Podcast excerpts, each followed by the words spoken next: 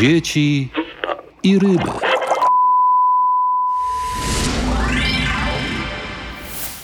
Jest wiele trików, które stosuje rząd, żeby tą nieprzejrzystość wobec obywateli wprowadzić do finansów publicznych. Ta sentencja prezesa Instytutu Finansów Publicznych doktora Sławomira Dudka mogłaby naszym zdaniem stanowić motto tematu, który chcielibyśmy przybliżyć naszym słuchaczom, sięgając opinii ekspertów. Ekonomiści biją na alarm. Dług publiczny Polski rośnie szybciej poza budżetem niż w budżecie. Ostrzegają też, że przez zaledwie kilka miesięcy zadłużenie może urosnąć nawet o 300 miliardów złotych i osiągnąć nienotowany w historii ponad bilion 800 miliardów złotych. W związku z pogorszeniem koniunktury gospodarczej i spowolnieniem jej rozwoju pogarsza się też taki wskaźnik jak deficyt finansów publicznych w stosunku do rocznego produktu krajowego brutto. Tymczasem rząd podał, że deficyt budżetu państwa został zrealizowany w wysokości ponad 12 miliardów złotych, przy czym jego wykonanie było niższe o prawie 58% od wielkości planowanej w ustawie budżetowej. Wydawać by się mogło, że rząd zaoszczędził o ponad połowę wydatków założonych w deficycie budżetu państwa i zasługuje na brawa. Dr Dudek ma co do tego poważne zastrzeżenia. Rząd pokazał w sprawozdaniu z wykonania ustawy budżetowej deficyt budżetu państwa 12 miliardów złotych. Na tyle niski, że premier nawet zorganizował konferencję prasową na Stadionie Narodowym. I na Stadionie Narodowym chwalił się tym niskim deficytem. Podczas gdy prawdziwy deficyt, który możemy policzyć korzystając z danych wysyłanych do Brukseli, z różnych innych danych cząstkowych, wynosi ponad 100 miliardów złotych. To oznacza, że rząd pokazał 12% Sejm głosami koalicji rządzącej udzielił rządowi absolutorium za wykonanie budżetu w zeszłym roku. Nie byłoby w tym nic nadzwyczajnego, gdyby nie fakt, że negatywną ocenę działań budżetowych wystawiła rządowi Najwyższa Izba Kontroli. Wydarzyło się to po raz pierwszy na przestrzeni ostatnich 30 lat. Szef NIK-u przemawiał z trybuny sejmowej. Wysoki Sejmie, zarówno zadłużenie Skarbu Państwa, jak i dług sektora instytucji rządowych i samorządowych wzrosły w ciągu 2022 roku o ponad 100 miliardów złotych. Najwyższa Izba Kontroli ujawniła szereg nieprawidłowości związanych z realizacją ustawy budżetowej na rok 2022. Z ubolewaniem muszę stwierdzić, że rok 2022 był trzecim z rzędu, w którym zastosowano różnorodne rozwiązania, które łamały podstawowe zasady budżetowe, a może nawet Konstytucję Rzeczypospolitej Polskiej. W minionych trzech latach doprowadzono do sytuacji, w której ustawa budżetowa, w tym przede wszystkim budżet państwa, przestała pełnić funkcję podstawowego aktu zarządzania finansami państwa. Wychodzi na to, że istnieje budżet poza budżetem i PiS wypycha wydatki państwa poza oficjalny budżet do różnych funduszy. Poważne zarzuty szef NIK-u skierował pod adresem Polskiego Funduszu Rozwoju i Banku Gospodarstwa Krajowego.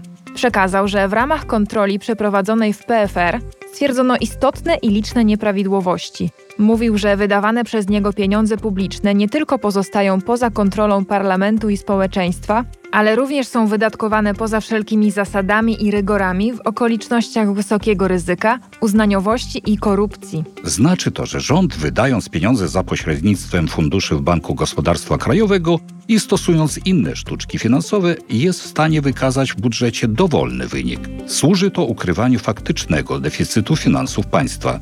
Te alternatywne, równoległe wydatki pozostają poza kontroli parlamentu. Nie obejmuje ich swoim zakresem ustawa o finansach publicznych. Trudno z pewnością stwierdzić, co tam się dzieje dokładnie w tych funduszach, a tego wymagałaby rzeczowa ocena, jak rząd wydaje nasze wspólne pieniądze, mówi dr Adam Michalik z Uniwersytetu Ekonomicznego w Krakowie.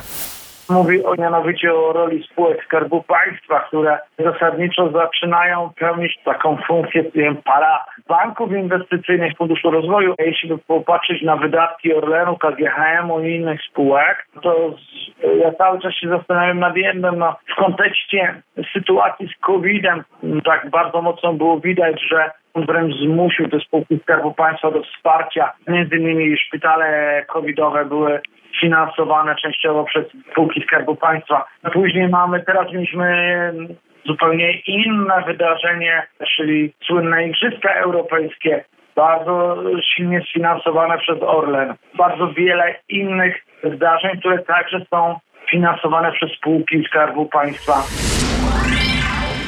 Generalnie większość krajów świata jest potężnie zadłużona. Dług publiczny na całym świecie rośnie nieprzerwanie od dziesięcioleci. A kryzysy w ostatnich latach, m.in. pandemia koronawirusa, spowodowały gwałtowne przyspieszenie tego trendu. Od roku 2000 światowy dług publiczny wzrósł ponad pięciokrotnie i osiągnął rekordową wartość 92 bilionów dolarów.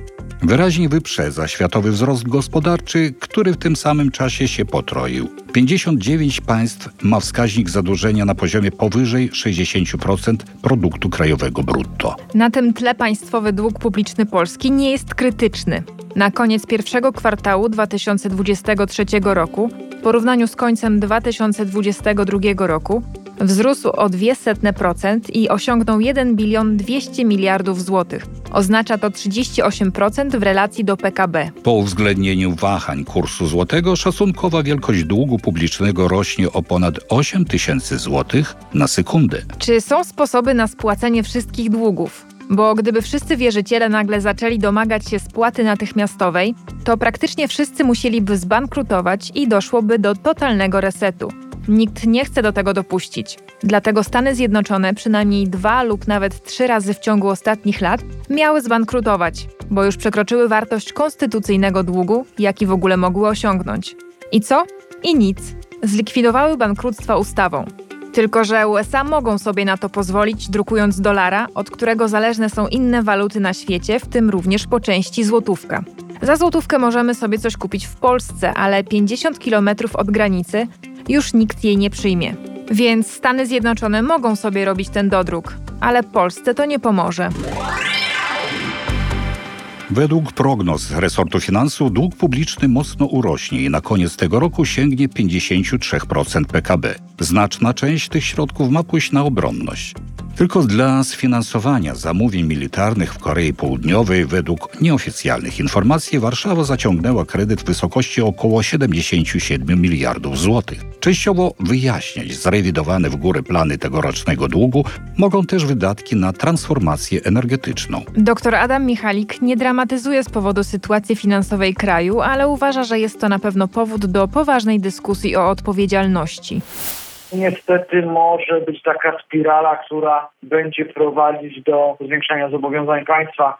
Natomiast kiedyś te zobowiązania trzeba będzie spłacić. Yy, Taka wiara, że napędzi to rozwój, że, że to jest bardziej inwestycja, że inwestycje są potrzebne i że właśnie te inwestycje przyniosą zamierzony cel, wydaje mi się bardzo, bardzo ryzykowna. Polsce rząd jest w takim też szczególnym okresie przedwyborczym, więc obawiam się, że tej kiełbasy wyborczej będzie coraz więcej, czyli tych różnych obietnic oraz takich właśnie dofinansowań, plus jeszcze no, dużym powodem do niepokoju jest to finansowanie dla przyznawanie dotacji dość uznaniowo poprzez różne fundusze, instytucje, środki celowe, gdzie się okazuje, że część z tych podmiotów ubiegających się o te środki zupełnie nie spełniała kryteriów.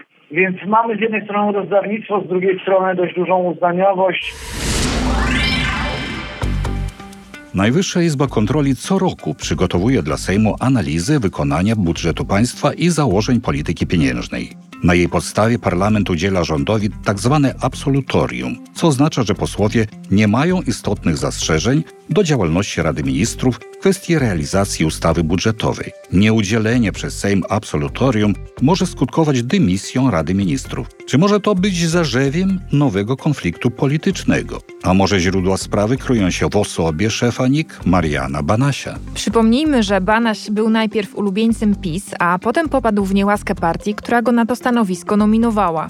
Ale gdy okazało się, że nie jest taki za bardzo propisowski, wypłynęły jakieś jego aferki, to pisowcy chcieli się go pozbyć. Jednak to się nie udało, bo potrzebna była większość, a Platforma się na to nie zgadzała.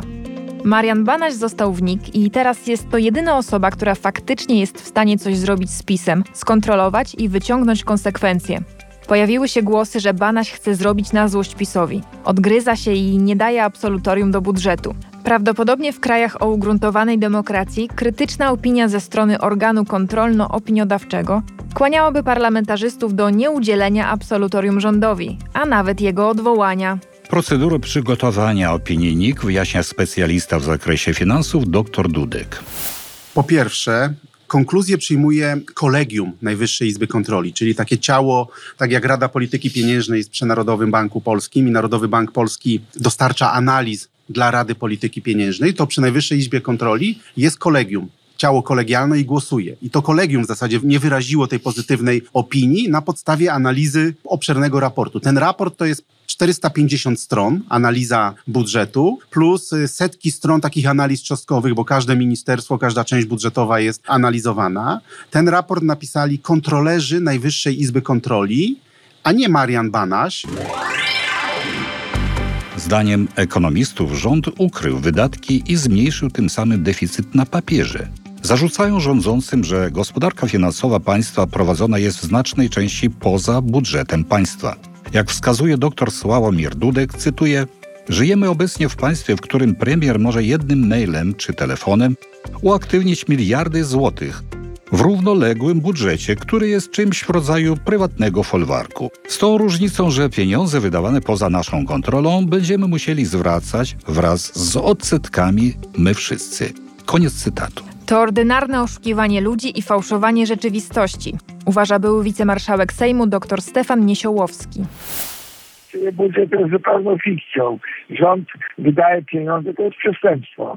Po co się robi, dyskutuje, chroni się deficyt budżetowy, cała debata jest, a następnie pieniądze się wydaje poza budżetem. No po co się uchwala budżet, to, to jest parlament. Natomiast jeżeli rząd wydaje pieniądze poza budżetem, bo tworzy fundusze i wszystkie pieniądze wy, wychodzą do funduszy, które są poza budżetem, no to to uważa się budżet jest niepotrzebny. To jest działanie, które oznacza, że rząd właściwie nie podlega kontroli parlamentu, bo po to jest ustawa skarbowa, żeby budżetowa, na tym polega kontrola rządu przez parlament. Natomiast jeżeli rząd jest no nie ma żadnych ograniczeń. Ten rząd nie chce ograniczeń w innej, i w innej dziedzinie, w dziedzinie praworządności, i w dziedzinie odpowiedzialności karnej i tak dalej. No, to jest po prostu przestępstwo. To jest rząd, który w moim przekonaniu powinien odpowiadać za przestępstwo. Mogą być pieniądze z kredytów, różne pieniądze pożyczone, tylko muszą być jawne. Rząd stosuje różne mechanizmy, które powodują nieprzejrzystość finansów państwa i coraz większe trudności w ocenie efektywności polityki wydatkowej. Łatwiej przecież zarządzać parabudżetem, a w jego ramach różnymi dotacjami, dodatkami, programami wsparcia wedle własnych celów i własnych kryteriów, czyli wedle uznania. Dzięki temu rząd realizuje naprawdę ogromne wydatki. Tylko w minionym roku sięgnęły one ponad 100 miliardów złotych, co stanowiło niemal równowartość 20% wydatków z budżetu państwa. To wszystko prowadzi do obniżenia rangi i wagi budżetu państwa, a takie rozwiązania mogą być działaniem niezgodnym z konstytucją. Co ciekawe, rząd obiecuje likwidację funduszy pozabudżetowych i przywrócenie przejrzystości finansów publicznych. Pewne jest jednak, że nie wydarzy się to przed wyborami. Dr Adam Michalik reasumuje. W Polsce obawiam się, że mamy poważny problem z autorytetami, z instytucjami, organami kontrolnymi, które byłyby niezależne. Okazuje się, że Trybunał Konstytucyjny już niezależny nie jest. Okazuje się, że Sąd Najwyższy można także oskarżać o, o jednej czy drugiej opcji. NIK także więc coraz trudniej takiemu przeciętnemu człowiekowi, przeciętnemu Kowalskiemu będzie się zorientować, co jest prawdą, co nie. Wychodzi więc na to, że rząd manipuluje budżetem państwa, żeby obywatele stracili orientację, co tak naprawdę dzieje się z ich pieniędzmi. A obywatele najwidoczniej są właśnie od tego, by spłacać zaciągnięte przez rząd długi. Był to kolejny odcinek podcastu Dzieci ryby głosu nie mają. Jeśli spodobał Ci się nasz dzisiejszy materiał, daj znać, napisz komentarz i zapraszamy do subskrypcji.